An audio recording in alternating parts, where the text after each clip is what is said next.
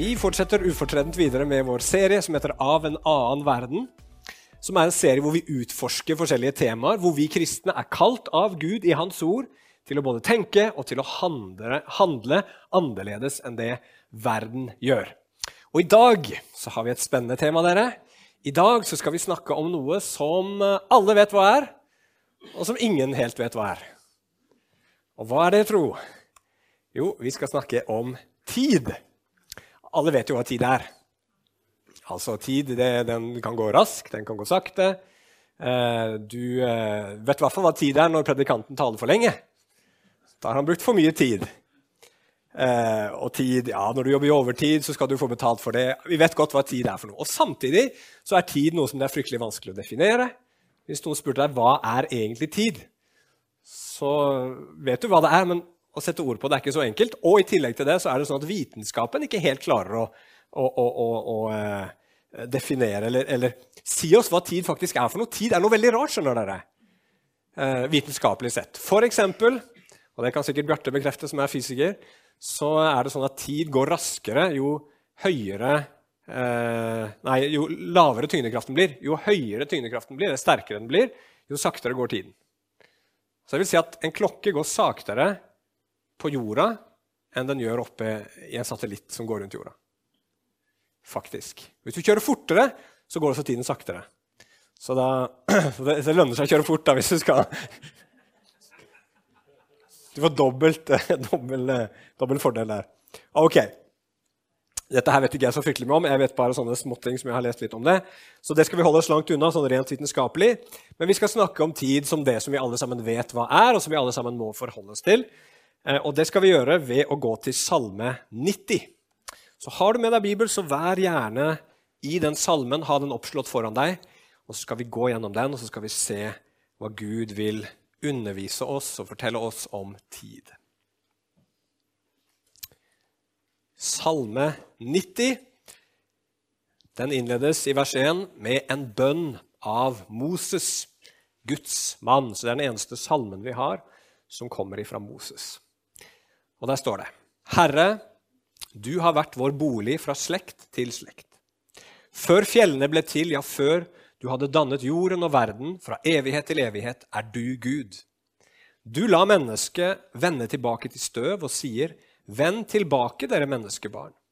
For tusen år i dine øyne er som gårsdagen når den er forbi, og som en nattevakt. Du skyller dem bort som en flom. De er som en søvn, om morgenen er de som spirende gress. Om morgenen blomstrer det og spirer fram. Om kvelden blir det klippet og visner. For vi fortæres under din vrede, og vi er skrekkslagne over din harme. Du har satt våre misgjerninger framfor deg, våre hemmeligheter i ditt ansiktslys. For ved din vrede har alle våre dager rundet bort. Vi fullfører årene som et sukk. Våre livs dager er 70 år, og ved større kraft 80 år. Likevel er deres stolthet bare strev og sorg, for alt er snart slutt, og vi flyr bort. Hvem kjenner styrken i din vrede, eller hvem kjenner din harme, slik frykten for deg krever? Så kommer det verset vi skal virkelig henge oss opp i i dag. Der står det:" Lær oss derfor å telle våre dager, så vi kan få et vist hjerte. Vend tilbake, Herre, hvor lenge, og ha medynk med dine tjenere. Mett oss med din godhet om morgenen, så vi kan juble og glede oss alle våre dager. Gjør oss glade så mange dager som du har fornedret oss, så mange år som vi har sett det onde. La ditt verk bli synlig for dine tjenere, og din prakt for deres barn. Ja, må Herren vår Guds herlighet være over oss og trygge våre hender, henders gjerning for oss. Ja, gjør våre henders gjerning trygg. Dette er Guds ord. Eh, og som vi ser her, da, så, så, ser vi at Gud vil at vi skal ha et bevisst forhold til tid. Lær oss å telle våre dager, står det, så vi kan få et vist hjerte, eller som noen oversettelser også sier det, så vi kan få visdom i hjertet. Og hva er visdom? I Bibelen så er visdom mye mer enn kunnskap. Det handler ikke bare om å vite ting. Det handler om å bruke den kunnskapen på rett måte. Men ikke bare på den måten at du vet hva du burde gjort i en gitt situasjon. Men visdom i Bibelen er å gjøre å vite og gjøre det rette i en gitt situasjon. Og Hvordan kan vi bli sånne mennesker som gjør det rette i alle de situasjonene vi kommer opp i i vårt liv? Jo, ved å lære oss å telle våre dager, står det her. Og hvordan gjør vi det? Jo, vi skal se på tre måter vi kan telle våre dager på. For det første så skal vi se at vi kan telle våre dager som tilmålt tid. En tilmålt tid som er gitt oss. Så skal vi se at vi kan telle våre dager som et tegn på Guds dom, som dommens tid. Og så til slutt om noe som kan telles helt annerledes i Kristus. Og Da skal vi si litt om nådens tid. Men før vi gjør det, så skal vi be til Gud. Herre, vi takker deg for at vi kan stille oss fram i dag under ditt ord og, og, la det få tale til oss. Og Herre, hjelp meg til å være en trofast tjener i å si det du har sagt etter deg. Ikke legge til, ikke trekke fra. Ikke dele mine egne tanker, men heller kunne være i stand ved Den hellige ånd til å utbrodere og til å klargjøre og til å eh, gjøre forståelig dine ord, Gud. Herre Hellige Ånd, vi vet vi trenger deg. Herre, vi trenger deg for å forstå våre liv. Vi trenger deg for å forstå hvem du er, Gud. Og vi trenger deg, Hellige Ånd, for å bli forandra. Så gjør det nå i våre liv, Gud. Det ber vi om i Jesu navn. Amen. Ok, Det første vi skal se på i dag, det er at den tiden du har fått, er en tilmålt tid.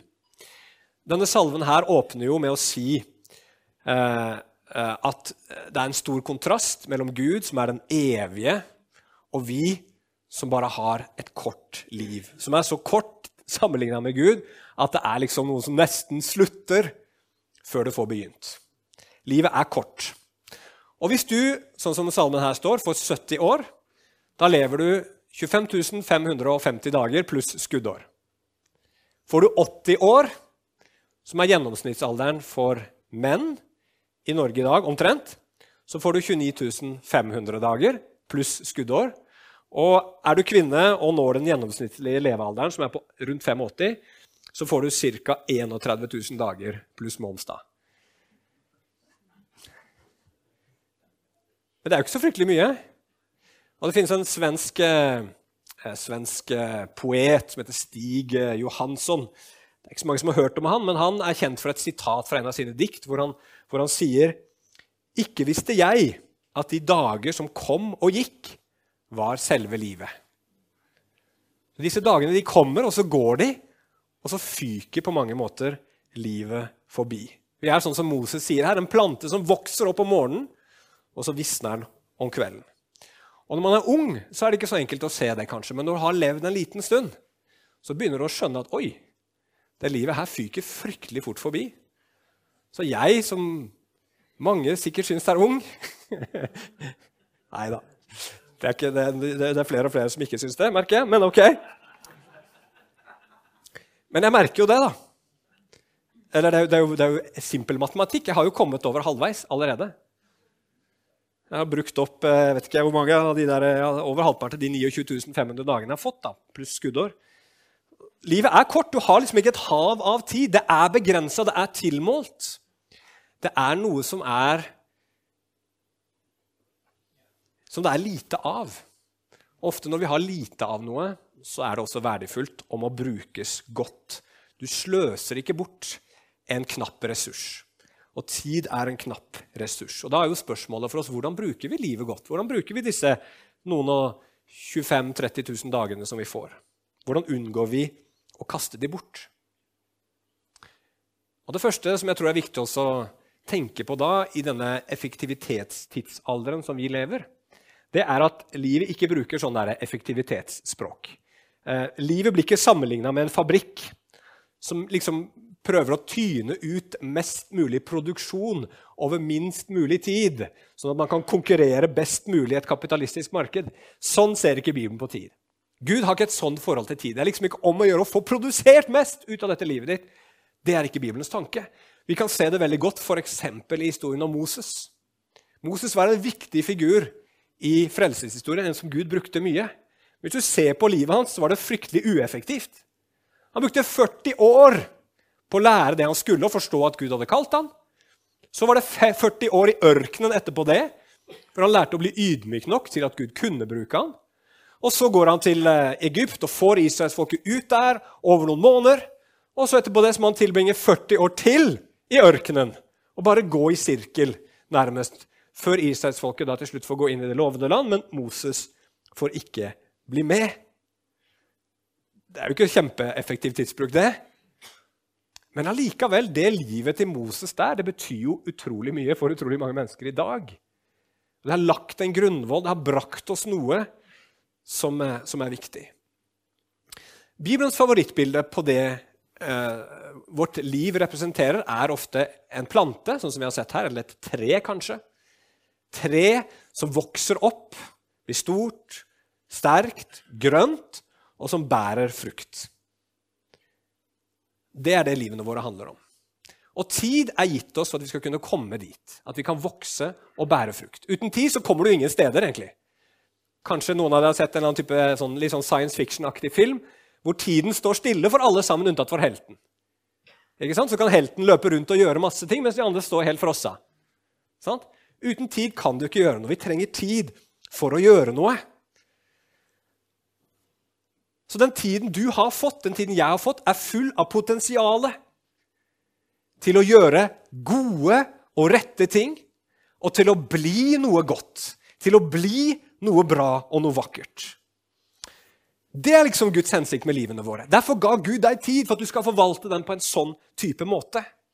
Og I Salme, 2, nei, salme 1 unnskyld, vers 2 og 3 så står det Salig er den, det er henta fra vers 1, som har sin lyst i Herrens lov og grunner på Hans lov dag og natt, han skal være lik et tre plantet ved strømmer av vann, som gir sin frukt i sin tid, og som har blader som ikke visner, og alt han gjør, skal lykkes. Gud har gitt oss sin lov for at vi skal vite hvordan vi kan bruke denne tiden som vi har fått, på en god måte. Men så er det jo sånn at tiden har på en måte et dobbelt potensial. Den kan brukes til det gode og til å bli noe godt, men den kan også brukes til dårlige ting og til å bli noe som ikke er så bra. Og de valgene du og jeg tar med livene våre, det vi gjør fra dag til dag, det vi bruker munnen vår til, for eksempel, som kan brukes til å bygge opp og snakke sant, kan også brukes til å bryte ned, til å lyve, til å ødelegge. Og så er det sånn at De valgene vi tar, bringer ikke bare gode gjerninger ut i verden, eller dårlige gjerninger, men de gjør noe med oss. Vi blir definert ut fra de valgene vi tar. Du blir et godt eller et dårlig menneske ut fra hvordan du møter livet. Velger du løgn, eller velger du sannhet? Velger du feighet, eller er du modig? Er du passiv, eller handler du? Hvordan møter du vanskeligheter? Så gjør det noe med deg som menneske. Og det som, gjør, det som skjer med deg, og det du gjør, det berører også andre mennesker rundt deg. Ikke sant? Våre dårlige, dårlige, valg har ikke bare konsekvenser for vårt eget liv, men for andre. Og andres dårlige valg, eller gode valg, har konsekvenser for oss. Og så er det jo sånn med tid at det har noe veldig nådeløst over seg. Det som er gjort, kan ikke bli ugjort. Og så får du da, som årene går, mindre og mindre tid, mindre og mindre muligheter. Og du skjønner også at livet er begrensa. Du må prioritere, du må ta valg som begrenser resten av livet ditt. Så når du velger en ektefelle, når du velger et yrke, når du velger et sted å bo, så, så, så snevres livet ditt inn. Alle de mulighetene som var der før, forsvinner, og livet blir enda mindre på et vis. Og så ender du opp med å dø til slutt. Du, du skjønner at det, ikke en sånn kjempehappy historie på et vis. Og Det er jo det du får litt inntrykk av når du leser Salme 90 også. Og Så kommer dette ferdiglevde livet, da. Og så er spørsmålet ble det brukt godt. Brukte jeg det livet jeg fikk, godt? Og Selv mennesker som ikke tror på Gud, er opptatt av å bruke livet sitt godt og gremmes over et bortkasta liv. Og Skal du og jeg bli vise, så tror jeg vi må telle våre dager på den måten der.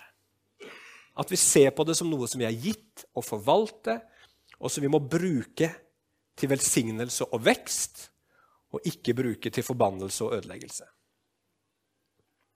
Og Det er en god måte og det er en ydmykende måte å se på livet sitt på, men det er ikke nok. Det er sånn som mange mennesker i verden også ser på denne, dette livet på. Men det forandrer den ikke. Det forandrer oss ikke heller. For vi vet ofte hva vi burde ha gjort, spesielt i ettertid. Men så er det der, da. Det vi har gjort. Og så er vi sånn som vi er. Så skal du og jeg bli virkelig vise, så må vi se at livet er mer enn tilmålt tid. Det er noe som er et tegn på dom. Det er dommens tid. Og Det skal vi si litt om nå. Tid er liksom noe som kommer og går i sykluser. År for år, det går år for år med sesonger, vår og sommer. Har kommet etter sommer, høst, vinter. Så går dette om igjen og om igjen. Ukene går, og så er det mandag igjen, og så er det mandag igjen. Altså, Du kan bli deprimert av mindre. De mandagene kommer jo hele tiden. Og dagen er jo også en, en syklus. ikke sant? Morgen til kveld, og så blir det natt, og så starter, og så går alt dette her om igjen og om igjen. Så Opp gjennom historien så har mange mennesker tenkt at ja, livet er bare en sånn karusell, en sånn rundgang som går om igjen og om igjen. Så tenker man at man dør, og så blir man reinkarnert og kommer tilbake igjen. Eh, og så skal man prøve å hoppe av den karusellen. Men Bibelen ser ikke sånn på tiden. Bibelen sier at jo, det fins sånne sykluser, men tiden er på vei mot noe. Tiden har et mål. Og det målet er dommens dag. Der er vi på vei. Og Bibelen advarer stadig vekk om at tiden er kort. Men tiden kommer før du venter det. Og da faller dommen. Altså, hvordan brukte du og jeg vår tilmålte tid? Hva blir dommen over ditt liv? Hva blir dommen over mitt liv? Jo, sier Moses her, hvis vi teller våre dager, så får vi svaret på det spørsmålet. Hvordan kommer det til å arte seg?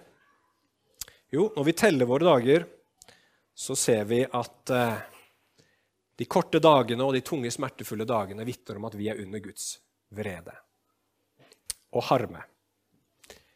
Jeg tror den døra som står der, er åpen. Hvis noen gidder oss å gå ned og lukke den. For jeg hører det veldig godt.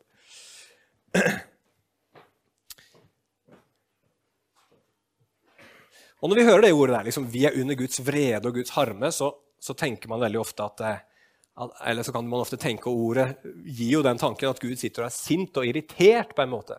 Men harme og vrede i Bibelen, når det snakkes om Gud, så handler det egentlig bare om Guds reaksjon og Guds innstilling mot ondskap og urett. At han dømmer det. At han er nødt, fordi han er rettferdig, til å ta et oppgjør med det. Og når våre liv er korte og våre liv er fullt av smerte, så er det et budskap fra Gud om at vi er under dom, for innholdet i våre liv, vår bruk av tid, er ikke god.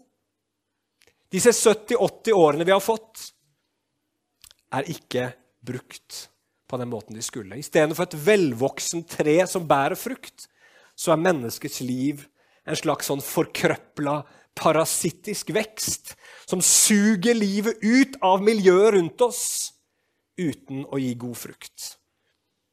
Vi bruker ikke vår tid sånn som Gud ville. Vi blir ikke de som Gud ønska at vi skulle bli. Og hva gjør en gartner når det står et tre i hagen der, og det vokser ikke som det skal, det bærer ikke frukt som det skal, men det tar energien fra alle de andre vekstene som er rundt? Hva gjør gartner med det treet da? Jo, Jesus forteller en lignelse i Lukas kapittel 13, hvor han sier at til slutt så er gartneren nødt til å hogge det ned. Det kan ikke stå der og utarme, utarme jorden, sier Jesus. Og som jeg pleier å si, for å oppmuntre dere på en dårlig dag, så er vi verre enn vi tror. Og det står her at vi vet ikke altså, Ingen kjenner Guds harme og vrede. Vi vet ikke hvor dypt vi er falt. Gud viser oss ikke hvor ille dette her egentlig er. Han gir oss disse 70-80 årene. Han burde ikke gitt oss så mye engang. For fra vi falt, fra mennesket vendte seg bort fra Gud, så har det bare vært mørke og elendighet. Ja, det har vært lyspunkter. Ja, det har vært gode ting som har skjedd. Men i det store og det hele så har det vært mørke og smerte og ondskap og uretten som har regjert. Og Det forteller oss at en dag så skal vi alle sammen stå framfor Gud. Og da står vi framfor en rettferdig dommer som skal gi oss en dom som allerede nå er klar. En dom som er uopprettelig i sin konsekvens, og som ikke kan endres på når den faller, og den dommen er evig fortapelse. Her er Bibelen så klar, så tydelig, at et liv levd borte fra Gud uten å gå på hans veier, det fører oss inn i evig mørke. Og skal du og jeg bli vise i hjertet, så må vi begynne der. Telle våre på dager på den måten å forstå at våre liv ikke er som de skal være. Vi er under Guds dom. Det gjelder alle sammen. Og det er lett å se det hos naboen. Det er lett og spesielt lett å se det hos ektefellen. Men det gjelder også meg.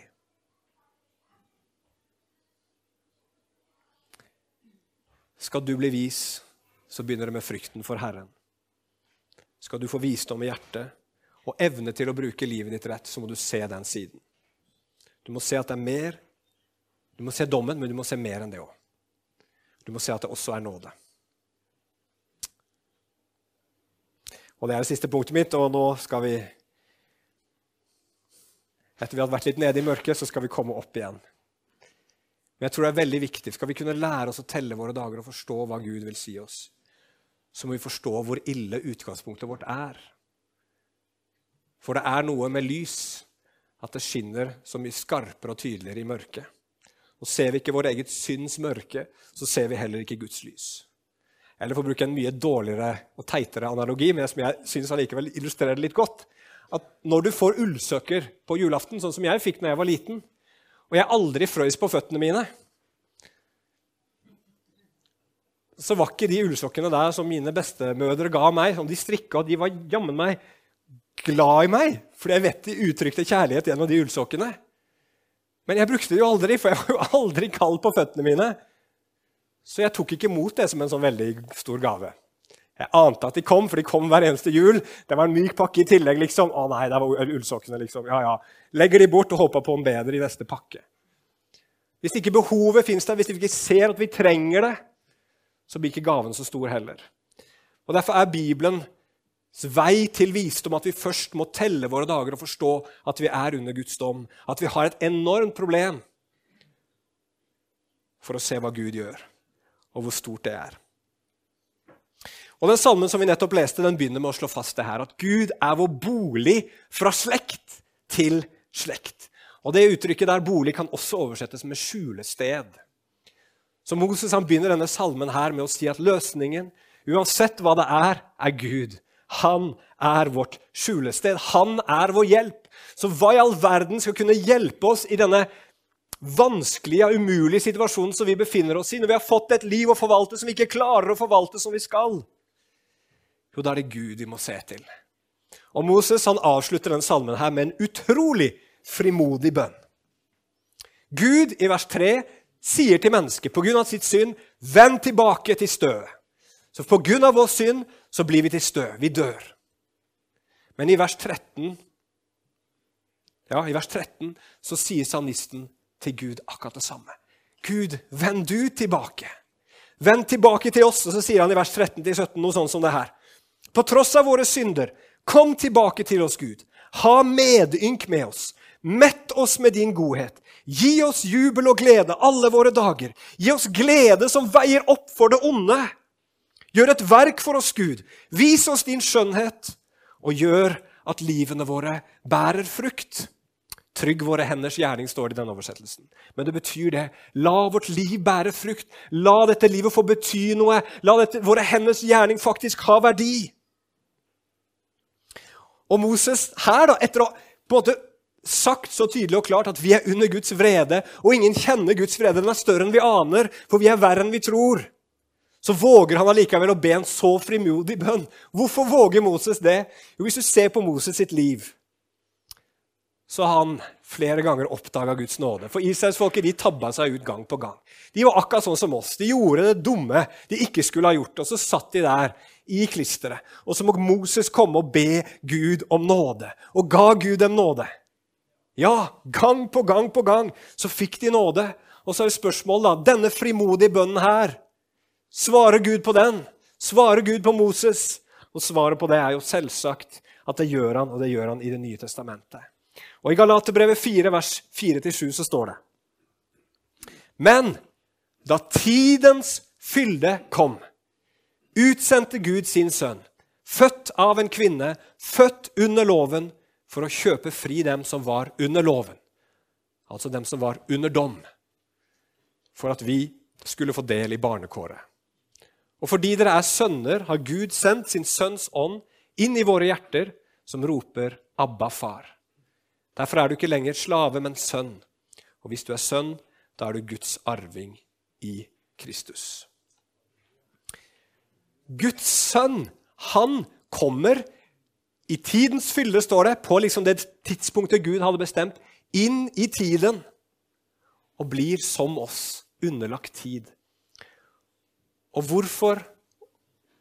Jo, han gjør det for å bli det treet som vi skulle vært. Det grønne, store treet som bærer frukter. Men av en eller annen grunn så er det han som blir hogd ned.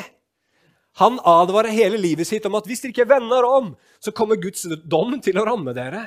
Og så ender han sitt liv på et kors som dømt. Og Hvorfor det? Jo, sier Jesaja 53, vers 8. Etter fengsel og dom ble han tatt bort. Men hvem i hans tid tenkte på at han ble utryddet av de levendes land fordi mitt folks lovbrudd rammet ham? Jesus var svaret på den bønnen som Moses ba. Ikke døm oss, Gud, sånn som vi fortjener, men velsign oss istedenfor sånn som vi ikke fortjener.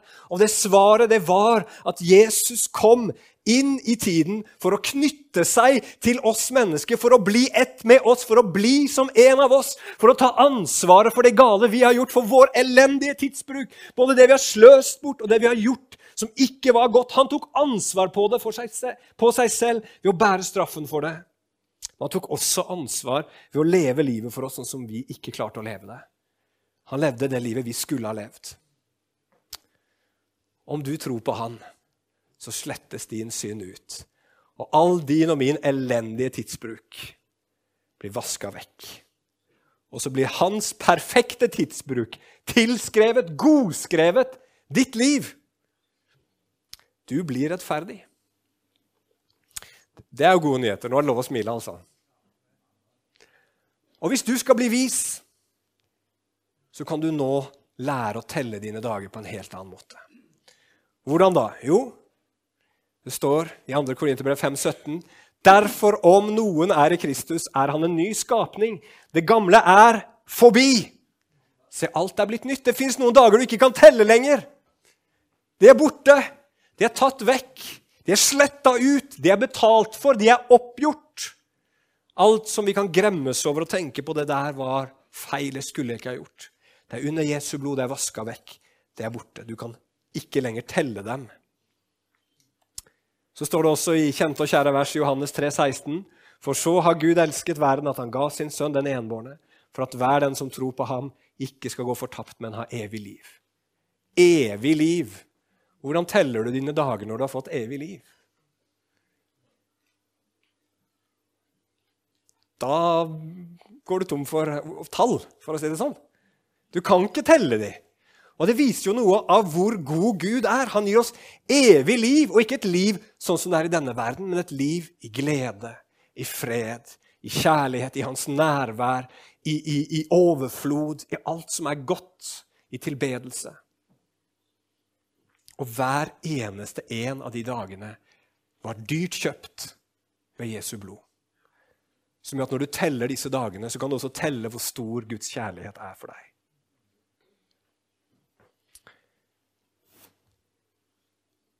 Og Nå kan du få en helt annen visdom inn i livet ditt når du begynner å telle dine dager på den måten. Hva slags visdom er det? Jo, en takknemlighet som du kan begynne å leve livet ditt ut fra. Hvor du frigjøres fra den egoismen som jo er grunnen til at vi bruker vår tid så dårlig. Og så kan du begynne å leve og elske fordi du først er elska. Og tjene fordi du først har blitt tjent. Og gi fordi du først har blitt gitt.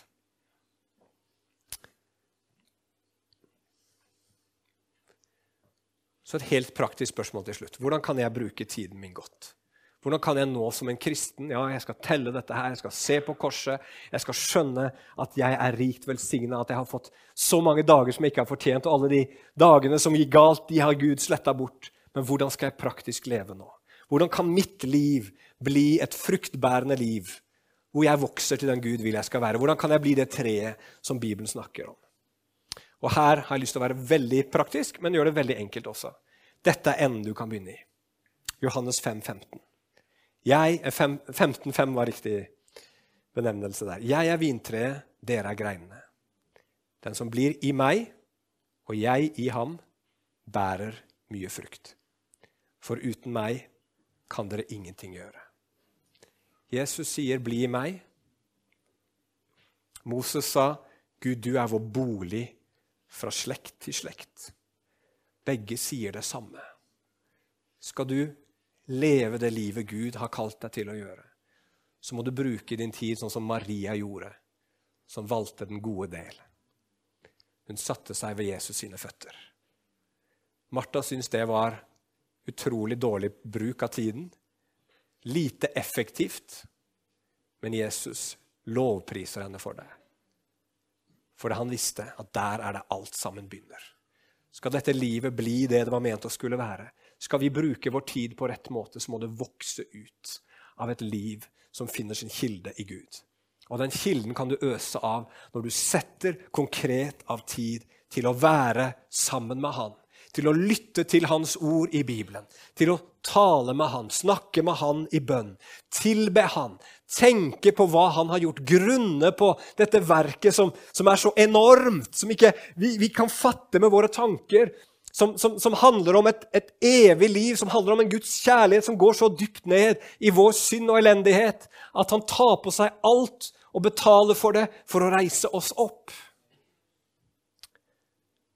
Når du blir i ham, da bærer du mye frukt.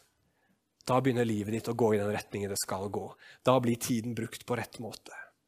Så fins det ikke sånn i Bibelen veldig stramme regler for hva du skal bruke tiden din til. Vi har ikke fem bønner om dagen, f.eks. Men når du begynner ut fra et liv med Gud, så er det noe som naturlig vokser fram. En lengsel etter å være med sammen med Gud, en lengsel etter å vie livet sitt til Han, og en lengsel etter å tjene og elske andre mennesker. Vi hørte her innledningsvis at vi skal elske Gud og vår neste som oss selv. Det begynner der, at vi blir elska av Gud, tar imot Hans kjærlighet. Og da må du gå til den plassen hvor kilden fins. Så spørsmålet er helt til slutt er det tid nok for Gud i din og min hverdag?